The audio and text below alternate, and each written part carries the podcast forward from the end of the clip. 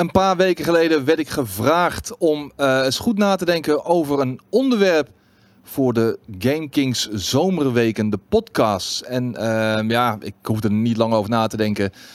Het werd MMA. Uh, MMA is een van mijn grote liefdes naast gaming en muziek natuurlijk en, en, en dergelijke. En ik had zoiets van, ja, ik liep er al zo lang mee rond met dat idee. En uh, er waren ook al in een bepaalde fase, in een bepaalde periode, waren er wat verdergaandere plannen. Die, die, didn't come to fruition, helaas. Nog niet, maar wat niet is, kan nog komen. Maar uh, het komende, wat zal het zijn, pakweg een uurtje, ga ik gezellig over al MMA ouwe hoeren. Samen met iemand ja, die toch wel te boek staat in Nederland als een van de grote experts, uh, zo je wil, ook op het journalistieke vlak. Uh, nou ja, en, en iemand die ik al een aantal jaren uh, ken. Ik beschouw hem wel als een MMA-buddy en een, sowieso als een buddy. Het is Giovanni Chin. Een hele goede dag en tof dat je bent aangeschoven hier. Ja, dankjewel. Dankjewel. Ik ben blij te zijn. Ja, zeker. Ik bedoel, we lopen eigenlijk al een paar jaar te ouwe hoeren tegen elkaar. Klopt. Dat je zegt, ja, we, we, moeten iets doen, weet je wel. En ehm, ik weet nog goed dat een aantal jaar geleden dat ik met jou in contact kwam. Uh, jij had toen ook al um, het onofficiële Facebook-kanaal van UFC Nederland opgezet. Klopt, klopt. En rond die tijd was je ook al bezig met je eigen MMA-site. Ja. Uh, hoe heette die ook alweer? Epic MMA. Die heet nog steeds zo, hè? Ja, nou, hij, is, hij is nu een beetje low-key, zeg maar. Ik doe er eigenlijk niet zoveel meer mee. En dat komt nu omdat ik me voornamelijk richt op freelance werk en een, een beetje mijn eigen ding doen. Uh, maar ja, Epic MMA inderdaad. Dat was uh, de website waar het allemaal op stond. Ja, uh, begon heel klein. Ja. maar als je kijkt naar bijvoorbeeld UFC Nederland op Facebook, dat groeide op een gegeven moment al heel snel, heel explosief. Ja, dat klopt inderdaad. Ja, het is, was begonnen als initiatief om de UFC op de Nederlandse televisie te krijgen. En vervolgens is het echt ontploft tot aan de 50.000 likes. En vanuit daar eigenlijk echt evenement gaan bezoeken en nog meer dingen gaan doen met MMA. Ja. Heel tof. Nou, mijn, mijn liefde voor MMA is, ik denk, ik, ik denk een jaar of 12, 13 geleden ontstaan. Zo in die tijd van.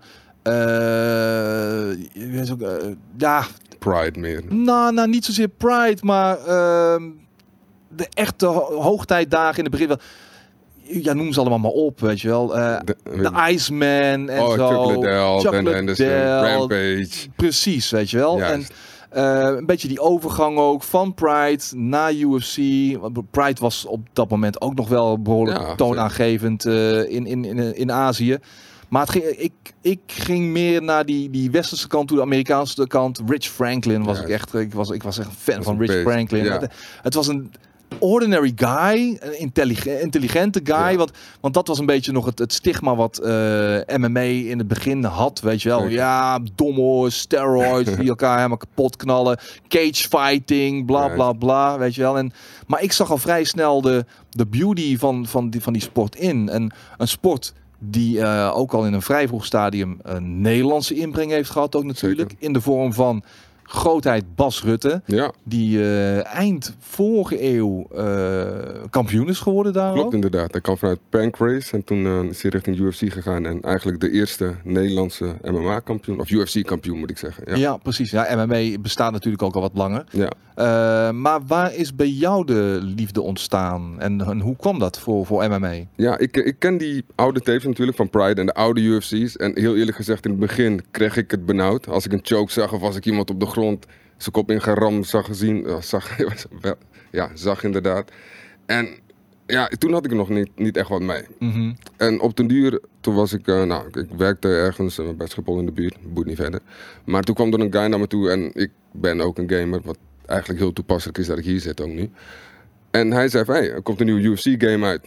Dat is eh, UFC 2009 volgens mij, met Brock Lesnar erop, op de cover. En eh, ik dacht nou, tof, tof fight game, even testen, even kijken. Nou, toen gaandeweg eigenlijk door dat spel de personages leren kennen, de technieken leren kennen, de benamingen, de transitions. Eigenlijk alles, het was een soort snel cursus MMA. Mhm. En op de duur dacht ik van, nou, weet je wat, ehm, Brock Lesnar ging toen vechten tegen Reddy Couture, was dat volgens mij. En dat was volgens mij een van de eerste evenementen die ik heb gekeken.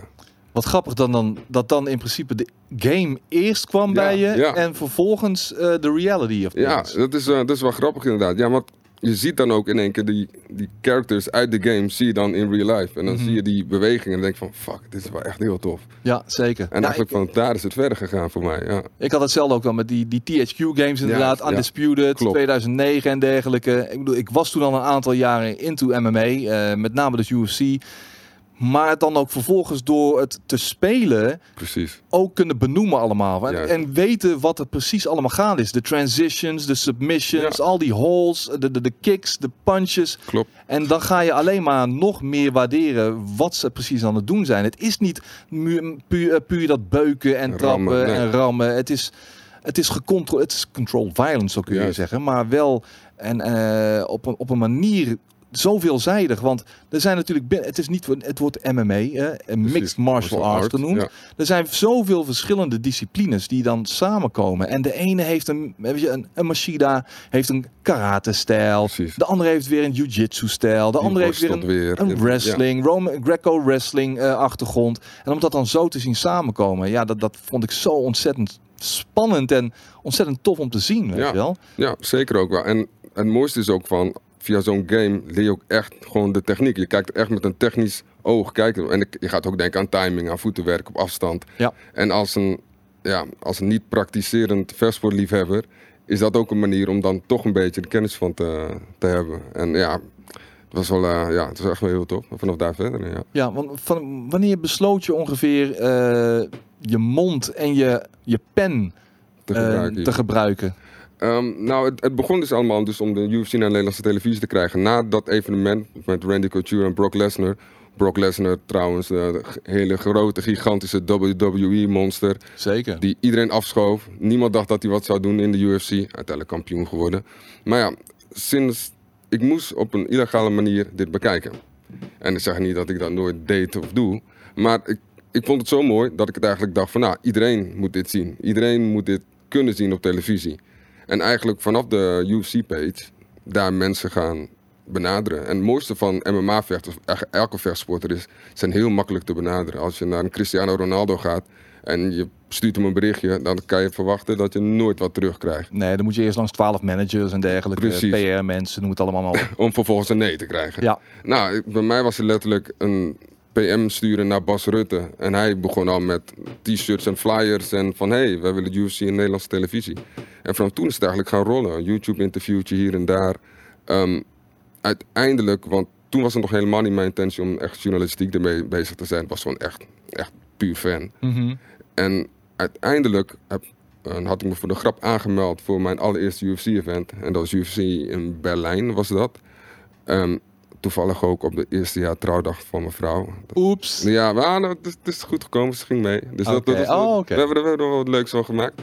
Maar ehm, ja, eigenlijk vanaf toen dacht ik even, dit is wel echt heel tof. Ik, eh, de mensen die ik dan spreek, want dan hebben we het over 2000, ik weet niet, 2014 ondertussen, 2013, misschien nog eerder.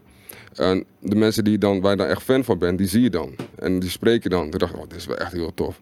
Dus toen ben ik verder gaan kijken, verder gaan, ja, hoe zit dat journalistiek eigenlijk in elkaar? Ehm, heel snel geconnect met echt grote jongens uit de journalistieke wereld. Een MMA-junkie en voor de liefhebbers van MMA wel bekend. Mhm. Die hebben mij heel erg op weg geholpen naar eh, hoe benader je nou zo iemand eh, en, en hoe doe je een interview, hoe schrijf je. Hoe, ja, ze hebben eigenlijk alles uitgelegd en vanaf toen eigenlijk gewoon doorgegaan. Ja, want in Nederland zelf is er niet echt een referentiekader natuurlijk. Ik bedoel, je hebt wel eh, weet je, journalisten die in, met, met vecht, vechtsporten bezig Klopt. zijn. Maar dat is vaak, zijn vaak de traditionelere vechtsporten, judo, karate en dergelijke. Er was nog niet echt een, een, een journalistiek platform Nee. of iets dergelijks Nee. voor MMA natuurlijk. Nee, dat klopt. En wat dat betreft was het ook wel lastig, want er was verder niemand waar ik advies van kon krijgen dan mensen uit het buitenland. En ehm, ja, het was, was wel tof. Soms een beetje only the lonely in je eentje in het buitenland bij zo'n evenement. Maar ja, het was, ehm, het was leerzaam, het was tof. En uiteindelijk eh, toch wel eh, een van de eerste geweest die toch wel in Europa consequent bij die evenementen was. Dat Ja. was heel cool. Ja, precies. Maar dan kijk je naar Nederland ehm, en, en je probeert iets op te zetten. Ja. Wat zijn voor jouw gevoel dan de, de, de, de, ja, de muren geweest, de obstakels geweest om, om eh, progressie te kunnen boeken? Ehm, ja, je begint natuurlijk gewoon met, in mijn geval, de Facebookpagina uitbouwen. dat, was, dat ging eigenlijk best wel makkelijk, want er waren verdomd veel fans. Mhm. Daar schrok ik van. Ja. Er waren echt heel wat mensen. Maar dan vervolgens moet je er... Je bent er zoveel mee bezig. Kijk, als je dan een kleine Facebookpagina hebt van een paar honderd mensen en je bent alleen, dan is het wat te doen. Maar als er duizenden worden, dan haal je hulp erbij. Maar dan ben je toch heel veel ermee bezig. Voor mij het moeilijkste was het combineren tussen familie en een hobby wat toen nog niks opleverde. Mhm. Dat was voor mij het grootste struikelblok. Ja. En voor de rest heb- zit je natuurlijk met, met het stigma van ja, human cockfighting. Twee idioten die daar de ring in staan, of de kooi in staan en elkaar de, de hersens inslaan. Dus ja, dat heeft, ja, je, je houdt ervan of niet. Weet, je, kijk, ik denk dat als ik bijvoorbeeld, eh, ik weet dat je een badminton fan bent, maar als ik bijvoorbeeld naar badminton kijk, dan denk ik van ja, oh, leuk. Mhm. Maar als je echt de regels kent en de technieken, wie, wie weet word ik ook een badminton fan. Weet je wel. Ja. Dus het was Al is de drempel, drempel daar iets minder laag, want het is iets minder bloederig bijvoorbeeld, weet je wel. Iets, iets. Ja, ja, ja, precies. Maar uiteindelijk, Alhoewel een, sh- een shuttle in je oog, een Dat- shuttle met dat- 250 km per dat uur. bedoel ik. Ja, maar ik kan niet doorgaan. Dus dat, is- dat is weer het verschil. Nee, maar ja, dat, ehm, ja, in, in principe zijn dat eigenlijk de echte, de echte uitdagingen geweest. Ook hoe, hoe maak je het commercieel? Hoe krijg je wat van je tijd terug? Ja. In plaats van alleen dat je tijd neemt van je gezin. Ja, hoe kan je er een beetje money mee maken, om het zo te zeggen. En het heeft wel een tijd geduurd. Uiteindelijk toch wel wat freelance klusjes, wat freelance klusjes kunnen doen. En ehm, ja, het, is, eh, het blijft lastig om in Nederland echt rond te komen van vechtsportjournalistiek. Ja. Dus, Ja, ja. Dat is wel duidelijk inderdaad, ja. Toch zie je de laatste jaren die progressie, weet je, dat, die, die, die vindt plaats. Ja. We zien uiteindelijk UFC op televisie. Mhm. We zien ook bijvoorbeeld op Spike, zien we Bellator ook al een aardig tijdje. Super tof. Ehm, hoe denk je dat dat dan toch gebeurd is? Eh, nou, ik, ik denk dat sowieso ehm, de, de, de, de hype, de, de, de cijfers, Conor McGregor, van dat soort dingen. Want voor die tijd was er nog een, een beetje, we hadden onze Nederlandse vechters natuurlijk, een Alistair Overeem, Manet Randami. Um, we hadden al wel grotere namen, maar nog steeds werden ze nog niet echt als helden ontvangen in Nederland. En ja, het klinkt een beetje raar, maar met kickboksen is dat wel zo. Dan heb je Rico Verhoeven. Mhm. En misschien is het zo dat we gewoon een gezonde Hollandse jongen, blauwe ogen, blond haar. En ik wil niet een racecard opgooien of zo, maar dat is, ja. Jawel, dat ja, doe je nu wel. Een beetje. Een Jammer beetje, man, jammer. Een Hey, tot zover. Een beetje, een beetje. Maar ja, Stefan Struve. Ste- ja, klopt, maar hij is geen kampioen. Je Nee. moet een kampioen hebben. Ja. Bijvoorbeeld, dat zag je bij K1 ook. En als Hoos was kampioen. En volgens mij toen Peter Aarts kampioen werd, toen werd het een beetje populair. Mhm. En misschien hebben wij een Rico Verhoeven nodig in MMA. Om het wat eh, toegankelijker te maken. Jij hebt een ear to the streets, als het ware. Een, een ear to the dojo, laten Ja, we maar zeggen. ja. Eh, zie jij daar op dit moment gasten rondlopen? Want de populariteit, ook onder vechters. Er steeds meer mensen duiken eh, de dojo in, zeg Ja. maar. Eh, zie jij jongens langskomen als je zo eens een eh, bezoekje brengt eh, om interviews te doen en dergelijke, fotoreportages te doen? Zie jij jongens waarvan je denkt, oh, maar ook eh, meisjes, eh, van nou, dat zouden wel eens potentiële UFC-kampioenen kunnen worden. Of One-kampioenen, Ja. of, of Bellator-kampioenen. Precies, want dat heb je wel. Hè. Je hebt nu, eerst was het echt alleen UFC. Dat eh, is nog steeds zeg maar, de eredivisie van het MMA. Dan heb je Bellator en dan heb je One Championship. One Championship is natuurlijk gigantisch in Azië. Ja. Die heeft volgens mij meer kijkers dan de UFC. Alleen het zijn allemaal Aziaten. En de laatste tijd worden het ook steeds meer mensen uit Europa en uit het Westen. Ehm, bij One Championship heb ik wel een paar jongens rondlopen. Ranier de Ridder, die heeft Mhm. ook bijvoorbeeld in Nederland een paar evenementen gevochten. Ik denk dat hij heel dicht bij een titelshot is. Ik denk misschien zijn volgende partij of die daarop, dat hij dan een, een One Championship kampioen zou kunnen worden. Ja. Ehm, in de UFC zelf zie ik niet veel nieuw Nederlands talent getekend worden. Nou ja, we hebben dan eh, een Surinaamse vechter erbij. Jairzinho, Rozenstrijk, ja, zeker, zeker. Ehm, Met zijn knockout power. Zo, ja, dat was echt heftig. Dat was binnen no time was, eh, had- was eh, tegenstander knock-out inderdaad. Maar ja, het is, ja, Nederlander, ja oké. We, kun- we kunnen hem adopteren als Nederlander om het zo te noemen. Ehm, Als Maar- hij wint wel, hè? als hij wint wel, Ja, ja, als precies. hij- ja, precies. Maar ik heb er ook bijvoorbeeld, ik had een interview laatst gedaan met Tyrone Spong. En hij kent Jairzinho heel goed. En hij zei ook van, ja, hij heeft wel de potentie, maar er is nog echt wel wat werk te doen. Want hij komt uit Muay Thai en Mhm. op den duur, hoe hoog je komt in de rankings, wat gevaarlijke beesten je dan eh, hebt. Mensen gaan, eh, ja, die gaan op jouw zwaktes natuurlijk anticiperen. Precies, en dat zal bij hem waarschijnlijk zijn grondwerk zijn. Die duiken er meteen op. Die Precies. duiken meteen op en die gaan dan eh, ja, die gaan meteen proberen te worstelen met, eh met Jairzinho. Ja. Dus ehm, ja, in Bellator heb je natuurlijk ook nog echt, echt beesten. Costello, Costello van Steenis, die traint bij Gega Moussassi. En ook echt een talent die ook, ja, die zie ik wel binnen een paar jaar kampioen worden bij Bellator. En wie weet dat ze vanuit daarin naar de UFC gaan. Of dat ze zeggen, UFC bekijk het maar. Want Bellator en One Championship, voor beginnende, zeg maar, voor opkomende vechters, betaalt veel meer dan de UFC. De, de paychecks zijn absoluut niet die, verkeerd die zijn niet verkeerd. Je bent minder aan regels gebonden, want we kennen allemaal het, eh, het Reebok-verhaal natuurlijk Precies. bijvoorbeeld. Ja. Ja. je mag niet meer je sponsors op je kleding doen en dergelijke. Ja. Het is alleen maar Reebok voor, Reebok na. Ja, dan beperk je jezelf. En je ziet het ook de laatste jaren steeds vaker gebeuren. Mensen die de omgekeerde weg bewandelen van UFC naar, naar een andere een organisatie. Bellator bijvoorbeeld. Of een One zelfs, weet je wel. Mighty Mouse. Ja. Dat was nog eens even Ja. een shock, weet je wel. precies. Die ging, en hij had dat ook nog moeilijk in zijn eerste gevecht. Ja, Dus dan, ja, ehm, ze verkopen UFC, want het is een marketingmachine. Het is Amerika. Dus ze verkopen drama, ze verkopen, ja, ze verkopen veel, eh, veel bekijks. En ze verkopen dus ook dat ze de beste vechters hebben ter wereld. En dan zie je iemand van de UFC die gezien werd, wordt, werd als de beste MMA-vechter aller tijden. Mhm. Een van de. Die gaat naar zijn One Championship. Hij wint wel, maar had het minder moeilijk. Of had het minder makkelijk dan bij de UFC. Ja, wat je dan wel eh, eh, de, laatste jaren steeds vaker ziet, dat is inderdaad showmanship en een grote mond en eh, op een bepaalde manier jezelf profileren in de Ja. media. Dat is een zeer, steeds grotere rol gaan spelen. Het mediacircus. En daar waar Mighty Mouse dus door velen niet gezien werd als pound for pound de GOAT. Ja, Eh, ja, terwijl hij dat in principe toch wel was, Ja. een van de in ieder Zeker. geval. Ja, zie je dat een, een Conor McGregor al wel, of John Jones die altijd maar weer in, in opspraak raakt, ja. weet je wel. Ja, Ja. dat is de goat, dat is de goat, dat is de goat. Ben je het daarmee eens? ik, ik kijk echt alleen naar wat gebeurt in de kooi. Ja. Dat, ja, wat, wat er buitenom gebeurt, daarom is... Kijk, wij zijn het vaak niet eens over John Jones, zeg maar. Maar voor mij is hij wel de beste vechter aller tijden. Maar ik kijk dan alleen in de kooi. Af en toe prikt hij wel mensen en doet hij wel wat gekke dingen. Mhm. Maar ja, over het algemeen ehm, ga ik wel zeg maar voor John, dat John Jones de beste vechter is. Maar om terug te komen op je vraag.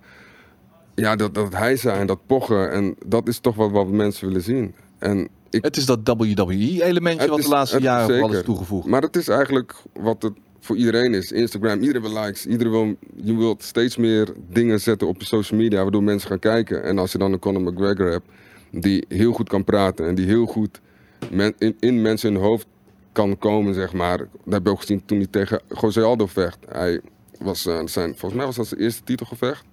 Nee, nee, hij was toen interim. Interim champ was hij. Maar hij moest toen tegen Jose Aldo, heeft hij heel snel een knock-out geslagen. Maar door de hele wereldtour, ze hadden een, heel, een hele wereldtour verspreid over een paar maanden.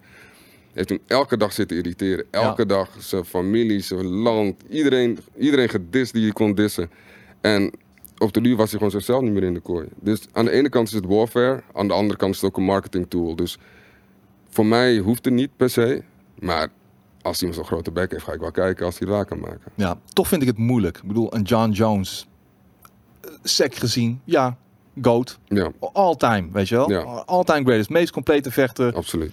vernieuwend bezig geweest op heel veel fronten, Ja. weet je wel. Met hele vervelende dingen ook. Van, Ja. van weet je, die, die oblique kick tot, tot aan die, die elbows die hij geperfectioneerd heeft. Ja. Die lelijke elbows die, ach man, man, man. Echt, die mensen hebben opengehaald, niet normaal. Ja, Maar ik kan het toch niet helemaal loszien van datgene wat hij buiten de kooien, wat Ja. hij buiten de octagon allemaal gedaan heeft in de loop der jaren. En hij lijkt het maar niet te leren. En recentelijk kwam er weer naar buiten dat hij weer eh, een of ander meisje, een of andere vrouw... eh, in de stripclub had gechoked of zo. dat je, eh, kom op man, Ja. ga je het nou ooit nog eens leren, weet je wel? Maar aan de andere kant, Mike Tyson wordt ook gezien als de beste heavyweight. Een van de beste heavyweight kickboxers aller dat tijden. was ook geen lievertje.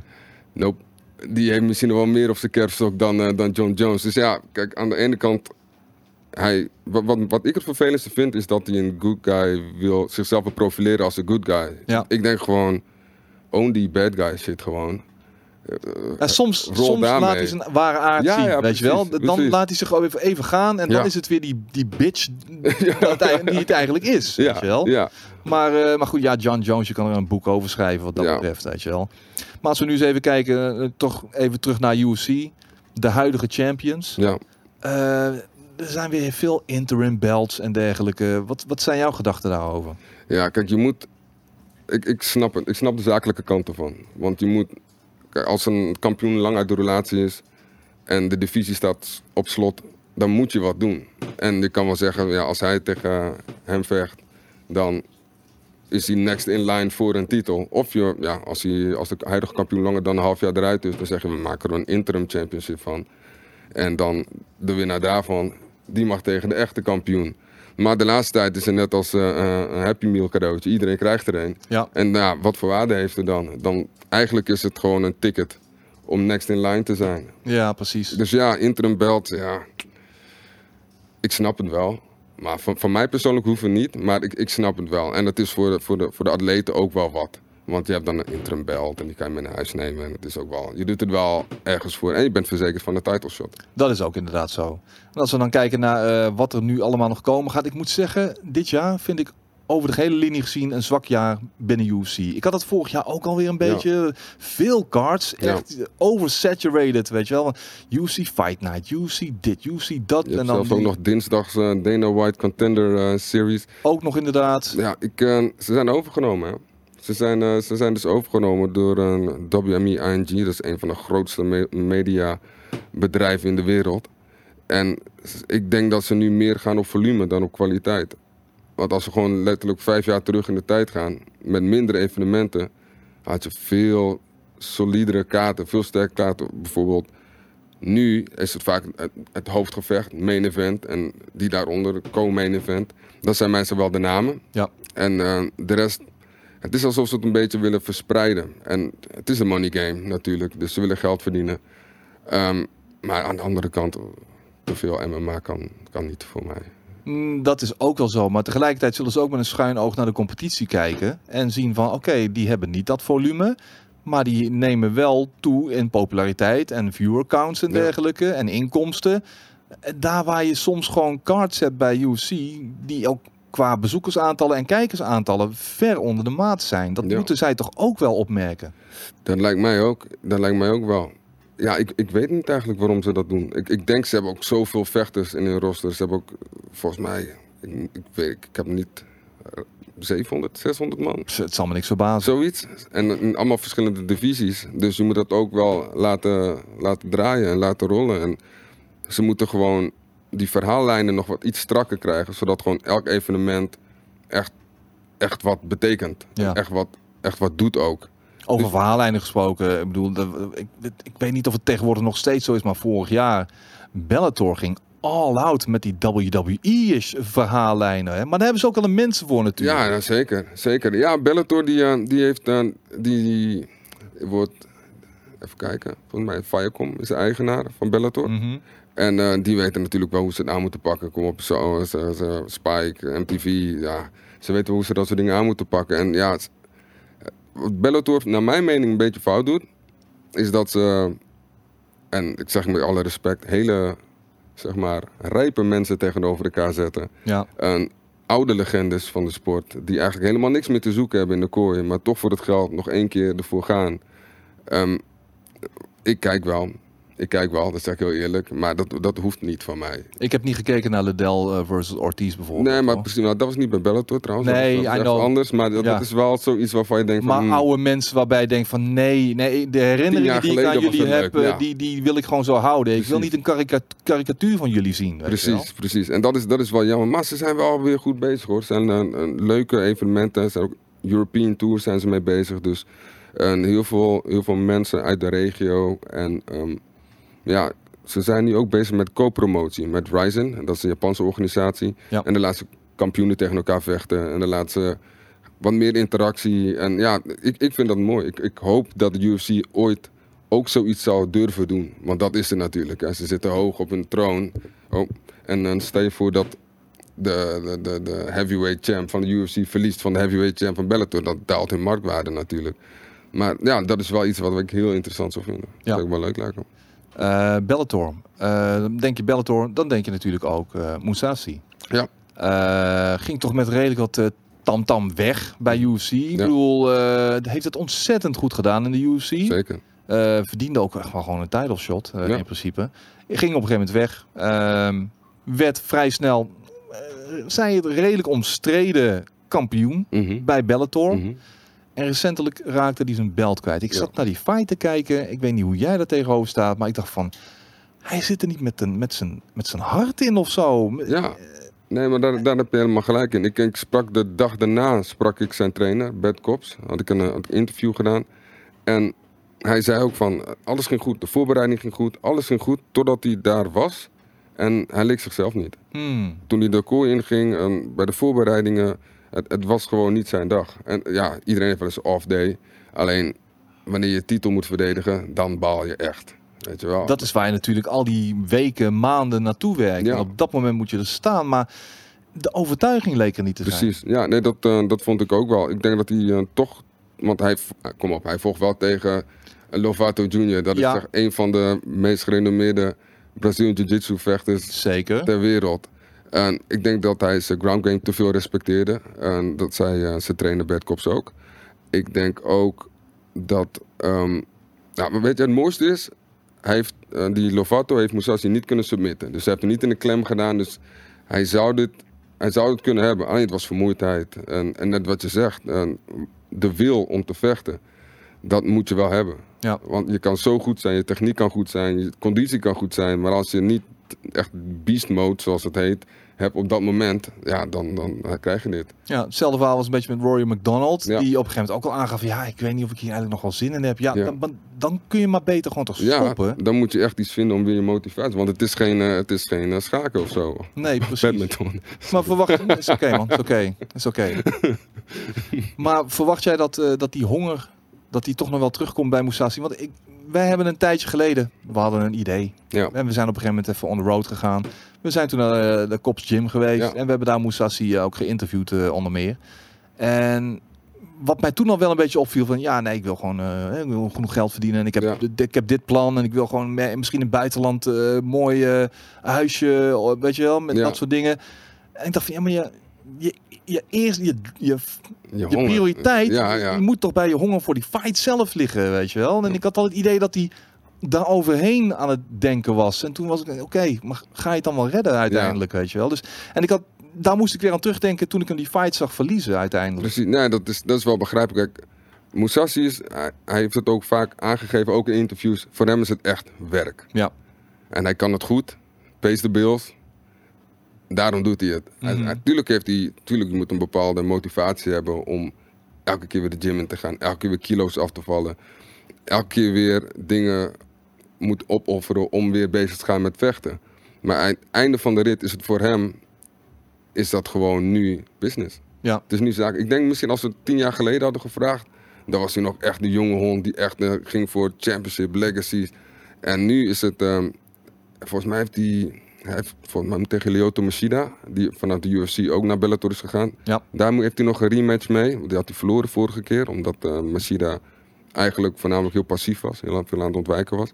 Dat is eh, een gevecht dat hij eh, wou en krijgt. En daarna heeft hij volgens mij nog één partij.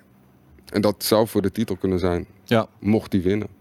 ja, maar dan is het misschien ook wel gewoon zijn laatste partij. Dan, dat het een planning is dat dat zijn allerlaatste partij zal zijn, alle tijd. En dat hij retired, retires as a champion. Ja, precies. En nog, en nog jong.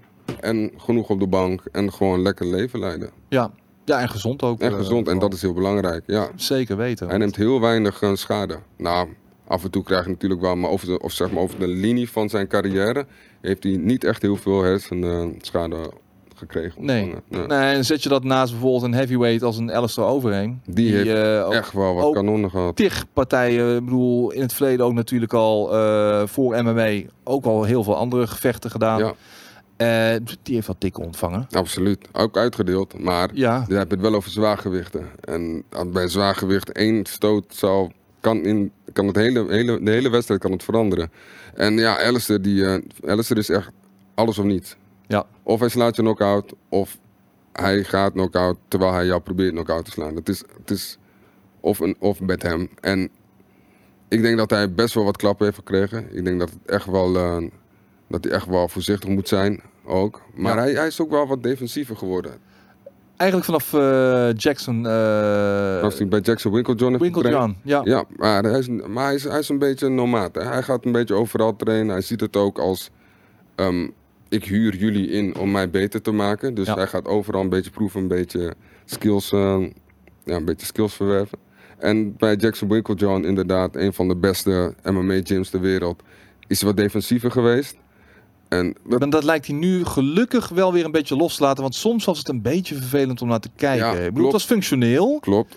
Maar ik had het gevoel, ja, maar da- dat is niet helemaal waar je kracht ligt. Weet Dat je klopt. wel? Dat klopt, maar hij is ook wel een van de meest accuraat. Hij is volgens mij de meest accurate vechter in de UFC. Dus Mhm. zeg maar, hoeveel stoten hij gooit, zeg maar, dat percentage ervan is hoger dan. En, en raakt, is hoger dan de rest van, eh, van die 600, 700 man. Ehm, maar ja, kijk, toen was hij weer teruggegaan van dat voorzichtige. En toen stond hij tegen Francis Ngannou. Ja, En dan, misschien niet eh, the right guy at the right time. Nee, nee, want hij, hij, hij stond er compleet op af. En op dat moment dacht ik ook van wow, wow, wow, rustig. Ja. Eh, maar ja, dat is, een, dat is een beslissing die je maakt dan op dat moment. Ik denk persoonlijk, ja, hij is nu ook weer bij een andere gym. Ja, ik weet even niet meer waar. Maar dat is ook van een, een, een- heavyweight vechter waar hij van verloren heeft. Nou, dan gaat hij daar gewoon naartoe en dan gaat hij daar weer oefenen. En ja, ik, eh, ik ben heel benieuwd waar het, eh, het schip strandt voor hem. Ik, hij heeft echt wel dikke klappen gehad hoor in zijn carrière. Maar hij heeft er ook heel veel, veel meer uitgedeeld. Ja, absoluut, absoluut. Maar als je dan toch nog ziet hoe, hoe, hoe scherp hij is, gewoon Ja. ook in de gesprekken en zo, nou ja, dat hij dat maar eh, nog lang mag blijven. Want Zeker. ondertussen heeft hij een deal voor vier, vijf eh, nieuwe gevechten getekend bij Ja. UFC. Ja, ik, eh, ik weet ook niet precies hoe lang hij er nog mee doorgaat. En ik heb er ook geen inside information over of iets dergelijks. Maar ja, hij is nu nog steeds grappig in de interviews. Hij is nog steeds gevat. Hij is nog steeds bij de hand. Hij is nog steeds Alistair. Mhm. Hij, is, hij is niet een, een, een Muhammad Ali, bijvoorbeeld. Een Muhammad Ali. Ja, sommige mensen zien dat echt, de brain damage. En ja, het, het enge ervan is, is dat je het pas echt goed kan zien als iemand al overleden is. En Ja. dan is het al te laat. Maar ehm, ja, ik, ik ben heel benieuwd wat, eh wat Alistair gaat doen. Ik ben echt, eh, ja, ik, ik denk niet dat hij nog heel lang zal vechten. Ik denk dat hij dit contract uitvecht. Maar met hem weet je nooit. Het kan zijn dat hij in één keer weer die motivatie vindt. In één keer weer hongerig is. In één keer weer een streak heeft. En dat tekent hij gewoon weer bij. Nou ja, maar eh, het feit dat hij vier, vijf gevechten nog had. Mensen hadden al zoiets van, eh, jongen, je hebt nu een paar keer gewoon eh Ja. Curtis Blades. Ja, eh, bij Curtis Blades Ga- kun je Ja, precies. ja. Bij, bij die gym zit hij inderdaad ook. En Ganu, misschien is het tijd om, weet je wel, die gloves aan de wilgen te hangen. Maar nee, hij gaat gewoon terug naar de tekentafel, andere gym inderdaad. En Precies. gaat gewoon zichzelf doorontwikkelen. En dat op zijn leeftijd. Hij is ook niet meer de jongste. Nou, maar hij is ook niet super oud. En, en, Nee. dat, en dat, vind ik, dat vind ik wel mooi aan Alistair. Hij, hij zorgt ervoor, doordat hij weer naar een andere gym gaat en weer zichzelf ontwikkelt, dat het ook leuk blijft Ja. voor hem. Ja, ik persoonlijk zou het niet leuk vinden om tegenover een Ngannou te staan in een kooi of whatever. Maar ja, je hebt wel echt moed nodig. Je hebt echt wel wat nodig om te bedenken van nou, hoe, hoe blijf ik dit leuk vinden? Hoe ga ik mezelf testen? En hij heeft toch keer op keer, elke keer weer een nieuwe Alistair naar voren zien komen. Ja. Verwacht je nog een title shot van hem? Binnen die vier, vijf gevechten? Ehm, Zijn laatste partij, hij, Zou hij kunnen. zou tegen Volkov eh kreeg een eh, Ja. replacement, ja, die niet zoveel voorstelde natuurlijk. Nee. Maar dat is weer even lekker dat je weer in de win column zit Precies. natuurlijk. Precies, ik denk dat het hierna weer interessant gaat worden. Ik hoop eh, dat hij in Nederland komt. Er zijn wat geruchten over, maar ja. Verwacht je dit eh, najaar weer een uh, UFC eventueel? Ehm, in meestal Nederland? had ik dat wel geweten. En ik, weet nog niet, ik weet nog van niks. Maar het, het, het kan ook zijn dat het in één keer morgen in één keer hop, ze komen naar, naar Ziggo Dome was de bedoeling eh, de vorige keer. Ja. Of volgens het gerucht wat ik hoorde. Maar ja, het is, het is te hopen. Het zou wel mooi zijn. Ja. Vorige, Het, het zit altijd wel goed vol. In Ahoy zat het ook Ja. altijd wel goed vol. ja, vorige evenement viel een beetje tegen. De kaart was wat minder. Ja, precies. Na, in die- ja, de opkomsten, de, de, de grote namen voor het algemene publiek inderdaad. Ja, de kaart, eh, uiteindelijk was de kaart best wel goed. Mhm. de, de partijen waren wel lekker. Maar ja, ze, je moet echt trekpleisters hebben. Je moet echt grote, grote namen hebben. Je moet echt een Alistair hebben. Of, of iemand uit Amerika. Echt dat de, dat de boel ook volstroomt. En ook de mensen uit de buurt. Want het eerste evenement Dat was uh, Dat was Overeem, Arlovski, Struve, tegen de eh, Randamie. de Randemie. Ja, Struve tegen eh, Bigfoot Silva was dat. dat waren, toen waren dat echt grote namen. Waar Ja. niet alleen Nederlanders naartoe gingen, maar gewoon mensen uit buurlanden en uit Europa. Gewoon allemaal naar Nederland gaan. Ook een beetje voor de party, maar ook voor het evenement natuurlijk. Mhm. Dus ja, ik, ik hoop dat ze weer terugkomen. Dat zou echt heel tof zijn. En anders, de deur staan ook open voor Bellator of voor One Championship. Dat zeker, dat zeker. Overigens, eh, ja, we hebben nu bijna alle Nederlandse namen gehad. We hebben de Randamie nog niet echt belicht. Ja, Is nu weer terug. ja. Eh, nou, omstreden was haar laatste gevecht niet, Nee, als je het mij vraagt. Want echt gewoon eh, die Amerikaanse jonge dame die ging neer. En ja, het is altijd always up for debate, weet je wel. Van, ja. Ja. Ja, zou ze weer overeind komen? Want ik had echt het idee dat de Randamie nog wel even nog één, twee stoten erachteraan en ze zou nokkie geweest Maar, zijn. ja, maar kijk, en voor de mensen die het niet weten, inderdaad, je met de Randamie moest, eh, de Randamie moest vochten tegen Aspen Laat. Dat was toen nog Ja. ongeslagen een, eh, vechtster. En ehm kreeg Aspen Laat kreeg een keiharde klap, ging neer, maar het, ja, de, de scheids eh, sprong er al tussen, terwijl ze nog niet helemaal oud was. Ja, En heel veel mensen gaven het af op Shemane. Wat ik complete onzin vind. Want ja, zij slaat. En die scheids komt ertussen. Dus ja, ik snap niet waarom ze dan Shemane daar dan eh, de schuld van moeten geven. haar reactie was wel priceless hoor. Ja, Eh, ja, ja, wel, zeker. eh, Het is oké, ik, ik begrijp het. Weet Ja, je wel. Het is oké joh. Eh, Dus, dus het is goed. Maar het is... Ik vind dat, ja, weet je... Van mijn part had Espen... En dat zeg ik niet omdat ik wat tegen haar heb of zo. Maar gewoon om het hele debat gewoon niet te hebben... Had hij nog misschien nog even twee stoten moeten laten geven. ja. Ja, ja maar het klinkt, het klinkt heel raar, maar dan, heb, dan hadden we dit niet, weet je. Maar aan de andere kant zouden, ze- zouden ze dan weer zeggen van... ja, maar waarom liet hij haar zo lang doorgaan? Ze was al oud. Dus Ja. je, je kan nooit winnen. En het was een van de beste, beste scheids aller tijden. Dat was Herb Dean. Ja, Dus da- ja. Tot, tot, tot pakweg vorig jaar Ja, was het eh, een van de beste. ja. Want we, wat we, we hebben hem de afgelopen, eh, het afgelopen jaar een aantal dingen zien doen. Van, Gek, dat je denkt van, waarom laat jij deze twee stoten nog in godsnaam geven? Ja, maar, misschien uit angst daarvoor dacht hij niet van... weet je, ik vind het genoeg geweest. Ik ben niet voor de veiligheid van de vechters. En ja, kijk, het is nog geen Mario Yamasaki, zeg maar. Dat is echt de... de ja, hij heeft een beetje...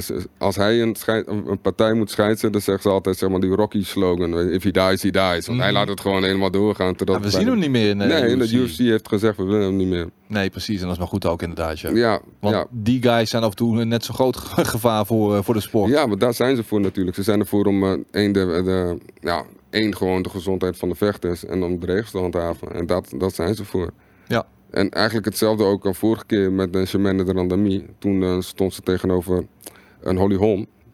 Dat was ook een hele controversie, want zij sloeg na de bel een paar keer. Ja. Klopt, had ze niet moeten doen. Maar dat is eigenlijk verantwoordelijkheid van de scheid.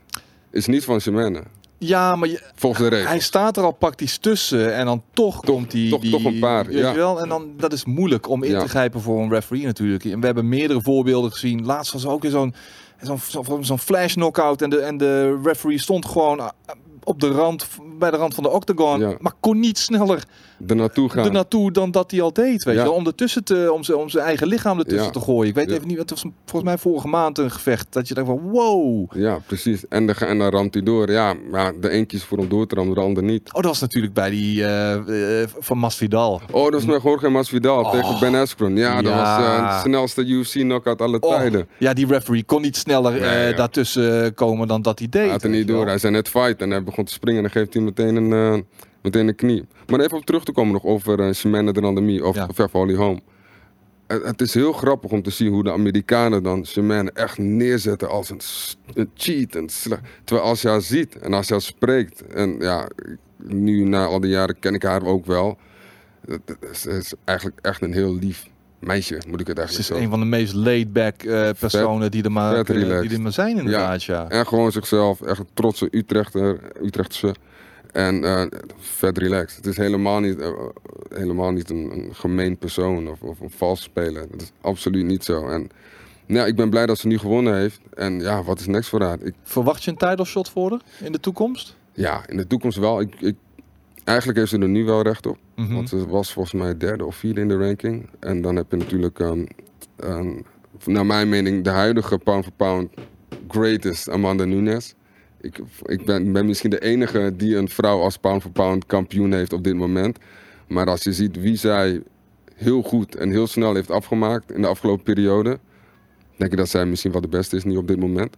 En de Randemie heeft al een keer van haar verloren. Ja. Het zou mooi zijn om de rematch te zien. Zeker weten. Maar ik, ja, mensen, ja, geef jij eh, de Ranami een kans? Ik, om, eerlijk te zijn, om eerlijk te zijn, niet. Want als je kijkt hoe stormachtig de ontwikkeling van Nunez is eh, de Niet laatste normaal. jaren. Ja. Ik bedoel, in de beginfase van, was het nogal wijfelend en kwam ze fysiek nog wat tekort, eh, weet je wel. En, en verloor ze ook de partijen. Maar op een gegeven moment, ik weet niet wat er gebeurd is.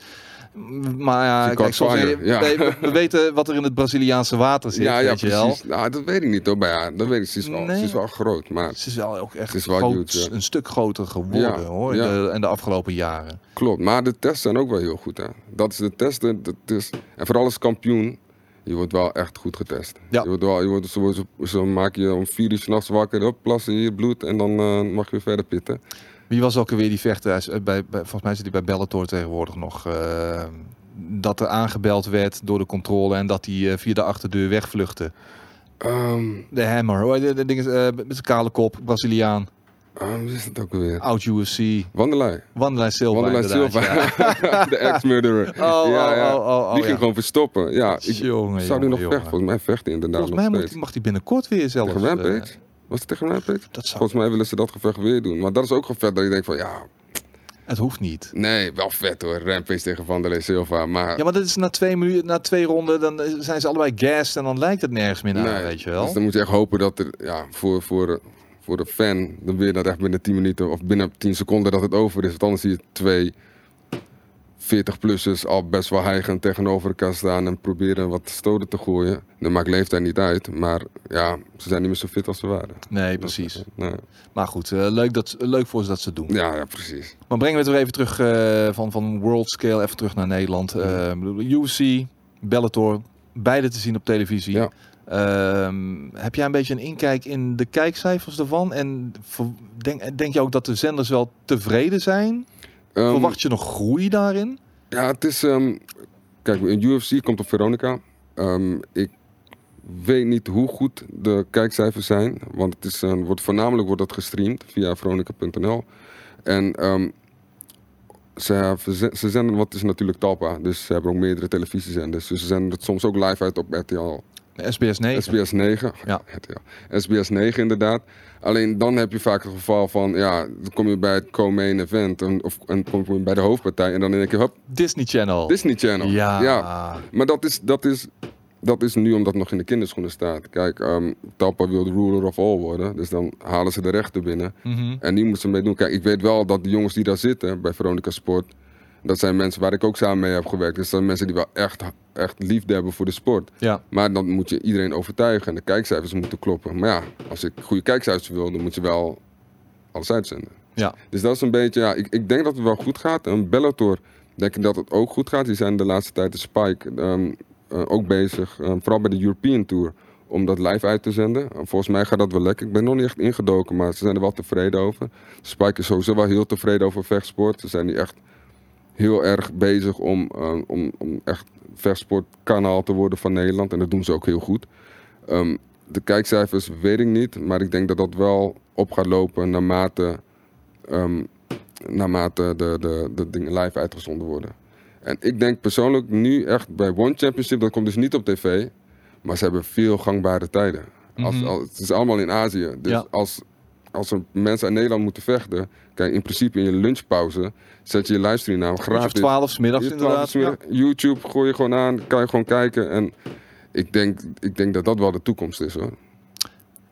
Ik denk, blijft het toch een beetje, ja, het enige wat ze nodig hebben is goede dopingcontrole. Want dat hebben ze niet. dat gaat helemaal nergens over. Dat daar, hebben ze niet. Je Dus, ziet eh, daar af en toe nog steeds die freak show hoor. Dat is niet normaal. Dat is echt niet normaal. Eh, eh, waar ik net over had, Reinier de Ridder, die eh, is, een, is een ongeslagen eh, vechter.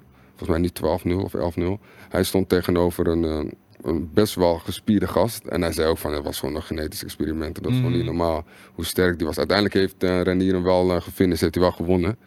Maar ja, ik, ik denk dat dat het laatste stukje is nog voor One Championship om echt legit met deze sport eh, misschien wel over te nemen. Kijk, UFC blijft de naam, blijft groot, maar ik denk dat omdat het UFC first is en niet fighters first, ik denk dat heel veel mensen uiteindelijk gaan overlopen vanuit de UFC. Het heeft natuurlijk wel een naam, alleen uiteindelijk moet ook mondig gevoerd worden. Uiteindelijk moet je ook wat, eh, wat meenemen naar huis. En als je niet een celebrity bent, een MMA-celebrity in de UFC, dan verdien je niet superveel. Nee, En bij One Championship bijvoorbeeld, of bij een Bellator, daar kan je gewoon van rondkomen. ja, precies. En dat is wel, dat is wel het verschil. Dus ja, in Nederland, ik, de opmars is er zeker. We hebben gewoon even een, eh, Nederlandse kampioen nodig. Verwacht je dit, dit jaar nog? Ehm One Championship wel. Ik denk dat uh, Ranier, waar ik het over had, dat hij nog dit jaar kampioen kan worden, anders begin volgend jaar. Ik denk dat Semena de Randamie een kans maakt.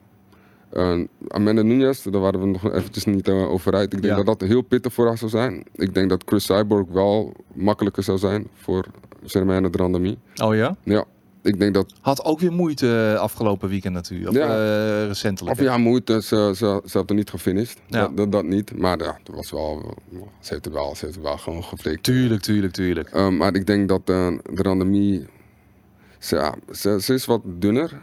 Maar ze heeft zeg maar wel de, de, de, de techniek en de bouw van Amanda Nunes. De vechtintelligentie inderdaad. Vechtintelligentie, Ja. zeker. Dus ik denk dat, dat Shemane de randemie tegenover Nunes, ik denk dat hij wel een kans maakt. En ja, in ieder geval een title shot. Als ze, dat ze de titel meenemen, dat weet ik niet. Maar ik denk wel een shot. Ehm, wie nog meer? Ja, Moussassi misschien volgend jaar. Als hij de partij wint tegen Machina, dat hij weer voor de titel mag. Mhm. Ik denk dat het allemaal eind dit jaar, begin volgend jaar duidelijk gaat zijn. En, en hopelijk weer een nieuwe Nederlandse kampioen. Het was zo mooi dat Moussassi kampioen was. Dat Ja, was zo mooi. Maar ja, helemaal genoeg ja, niet. Nou, back to the drawing boards en eh, weer proberen te veroveren. precies. En eh, als we nu nog kijken naar de grote gevechten, eh, laten we het even bij UFC houden. Eh, de, de main, de main events of the evening. Ja. De komende maanden, we krijgen nog Cormier versus Miocic natuurlijk. Ja, Waar zet je je geld op in? Mm, ja, vorige keer pakte Cormier hem wel even goed met een paar uppercuts, zeg maar. Ik denk, ehm, ik weet het niet, ik denk dat hij hem weer pakt. En ik denk ook omdat misschien de druk te veel wordt voor Miocic. Want ja, vorige keer is hij knock-out geslagen. Daarvoor was hij gewoon een van de meest succesvolle zwaargewichten aller tijden. Ja. En eh, ja, DC is, eh, die, die vindt het ook leuk om te porren en te geinen en een beetje steeks om de waarde te geven. Ik denk dat DC het weer gaat doen. Daniel Cormier dus. Ik denk dat hij hem weer pakt. Ja, ik denk het ook. Eh, welke gevechten hebben we nou nog meer? Pff. Uh, Pettis, Diaz bijvoorbeeld. En eh, nou een, non-title fight. eh, eh, Cerrone tegen eh. Gaethje. Dat zijn ook wel weer die fights, jongen.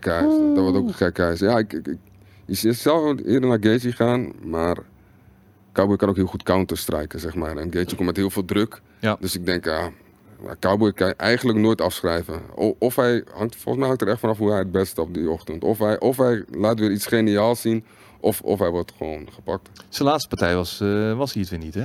Uh, nee, laatste partij had hij weer niet voor elkaar. Tegen wie was het ook alweer? Ik zit even na te denken, ja. Ik weet ook niet meer. Maar ja, toen, toen, toen had het inderdaad. Was het tegen Edwards? Leon Edwards? Ja, Ja. die Engelse. Nee, die Engelse. Eh, Leon. Edwards, hè? Ja, Ja, ja. ja. die, die daarna trouwens eh, ook nog Rafael dos Anjos heeft gepakt. Ja, nee, dat, ehm, ja, bij Cowboy is het, dit, het is volgens mij echt letterlijk hoe, die, hoe ze bed uitstapt. Dan zien we een, een geniale combinatie. Slaat, slaat weer iemand knock-out en dan, eh, dan, dan is het weer de andere kant op. Het is, Ja. ja. ja, bij hem weet je nooit. Ik wil nog even nu van jou weten. Ehm, jij weet. Jij weet naar welke fight ik het meeste uitkijk. Eh, de fight die alsmaar gewoon in het water valt. Ja, Hè, tot drie, vier keer toe inmiddels. Eh Khabib versus Ferguson. mijn grote held El Kokoui. Mensen hebben gezien, jezus, maar die gast is niet goed bij zijn hoofd. Ja, bipolar dit, bipolar dat. I don't care, man. Die guy, hij is uniek. Hij is, Absoluut. hij is eh, fucking legend. Al vanaf die Ultimate Fighter eh, season dat ik hem volgde. eh, dit- deze guy, die... Al jaren. Je bent echt al jaren. ja, man. ja. ik, weet, ik weet, dit is vermoeiend af en toe. Nee, nee, nee, nee, El nee. Kokoui, El Kokoui. Nee, ik, ik, ik, ik vind het ook. Heb je, er is een foto online waarin je zijn vorige tegenstanders ziet. Iets van negen Ja. foto's of zoiets. En dan zie je Ja. overal hoe zijn tegenstanders eruit zagen na bloed open Niet gehaald. normaal. Ja, dat is de reden waarom ze de, boogie, and de Boogeyman bruises. noemen natuurlijk. Ja. En ja, kijk, en Khabib heeft natuurlijk eerst gevecht met Dustin Poirier en in Abu Dhabi. Dus zij moeten eerst uitvechten. Daarna zou het kunnen. Maar je hebt altijd nog McGregor die op de loer staat. En als de UFC kan kiezen, gaan ze voor het geld. Dus zouden ze McGregor tegen of Poirier of Khabib. Ik denk dat Khabib het gaat worden. ja, dat denk ik ook. Ja, 9 van de 10 keer zou Khabib moeten winnen. Ehm, maar ik, ik verheug me persoonlijk veel meer op Ferguson tegen Khabib dan Conor McGregor tegen één van hun. Ja. Ik vind dat het is een veel mooier puzzeltje om op te lossen. En zo kijk ik eigenlijk ook naar alle partijen. Ik kijk meer van, oké, zijn skillset, die skillset.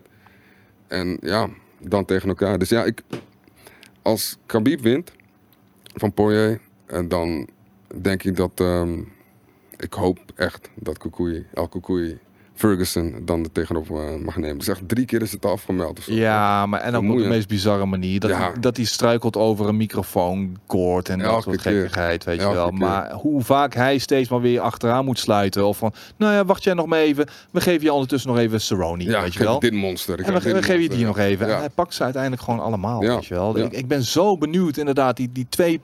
Hoe die puzzel in elkaar valt dan gewoon. Juist. Met die twee vechters, met zulke uiteenlopende vechtstijlen Absoluut.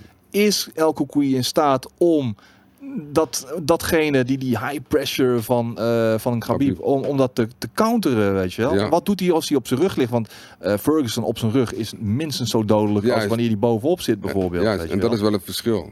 Op zijn rug eh, kan je ook dreigen, kan ook ellebogen, kan ook submissions gooien. Alleen ja, Khabib die... die vergeet niet, hè, ondertussen ontwikkelt Khabib zich ook nog. Hè. Hij is nog steeds in de gym, nog steeds werkt hij aan zijn striking, nog steeds werkt hij aan andere dingen. Ja. Dus ik, ik, ik denk dat we uiteindelijk op een punt moeten komen dat ze het gewoon tegen elkaar op moeten nemen. Want het zijn gewoon twee forces binnen de UFC. Elke keer niet gelukt. Elke keer hebben de MMA guards ons teleurgesteld. Mhm. En eh, ja, ik, eh, dat is eigenlijk nog steeds een van de favoriete partijen die nooit gebeurd is. Die ik wel heel graag zou willen zien. Ja, precies. Als we nu eh, een beetje gaan afronden, eh, mijn vraag aan jou. Wat zou jij nog graag willen zien binnen MMA en eh, qua ontwikkelingen en dergelijke, in binnen, zowel in binnen als Mhm. buitenland? Wat, wat, wat zijn jouw grote wensen nog? En ook voor jezelf natuurlijk. Ja. Zou je bijvoorbeeld het op, op het journalistieke vlak, zou je dat nog willen doorzetten? Verwacht je nog opportunities en dergelijke? Nou, ik vind dit wel tof, zeg maar. Ja, gewoon eh, zitten en kletsen. En, eh, Zouden we onder twee maanden eens moeten doen? joh? eigenlijk wel. Ja, nou, onder twee maanden. Nou, waarom Misschien niet? elke maand, misschien weer elke week. Elke week zou mooi zijn. Ja, nee, maar ehm, ja, dat, kijk, ik, ik vind dit gewoon het tofste van alles. Kijk, ik, ik ben een beetje een mannetje van alles geweest, dus ik, ik heb mijn focus overal verspreid dat ik niet echt één speerpunt heb. Dus ehm, het leukste vind ik, blijf dit vinden. En het zou mooi zijn als er nog een vechter erbij was, dat je gewoon een beetje kon kletsen en een, een podcast ervan kon maken of iets dergelijks.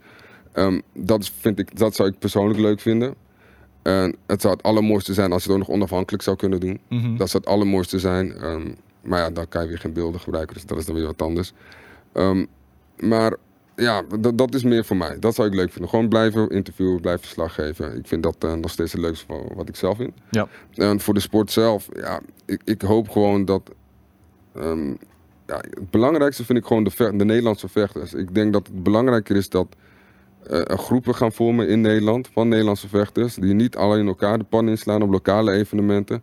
Maar echt samen gaan trainen, elkaar ontwikkelen, een hulp invliegen vanuit andere landen. Om, zodat we het, wij hebben het al heel goed gedaan zonder worstelen. Echt, echt een worstelland te zijn, zonder echt een jiu-jitsu land te zijn.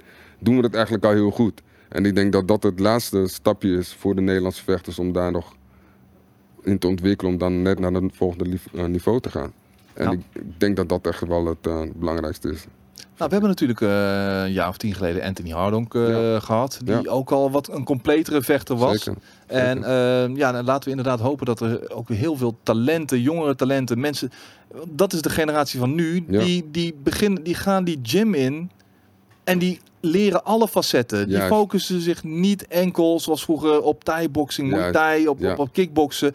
Nee, die, gaan, die duiken meteen MMA in. Die gaan meteen jiu-jitsu en, en, en het, het tappen en het slaan en Ja, het worstelen. Alles, om, alles onder de knie krijgen en ma ja, maken zichzelf zo tot completere vechters. En, precies. Ja, ze noemen dat zeg maar de hybride MMA-vechters van eh, tegenwoordig. Ja, die, inderdaad. die doen allemaal een beetje. Maar het heeft ook keerpunten natuurlijk. Want je, als, als je een specialiteit ergens in hebt en de rest kan je ook goed, dan kom je daar vaak wel verder mee. Ja. Nu nog, hè? Nu nog.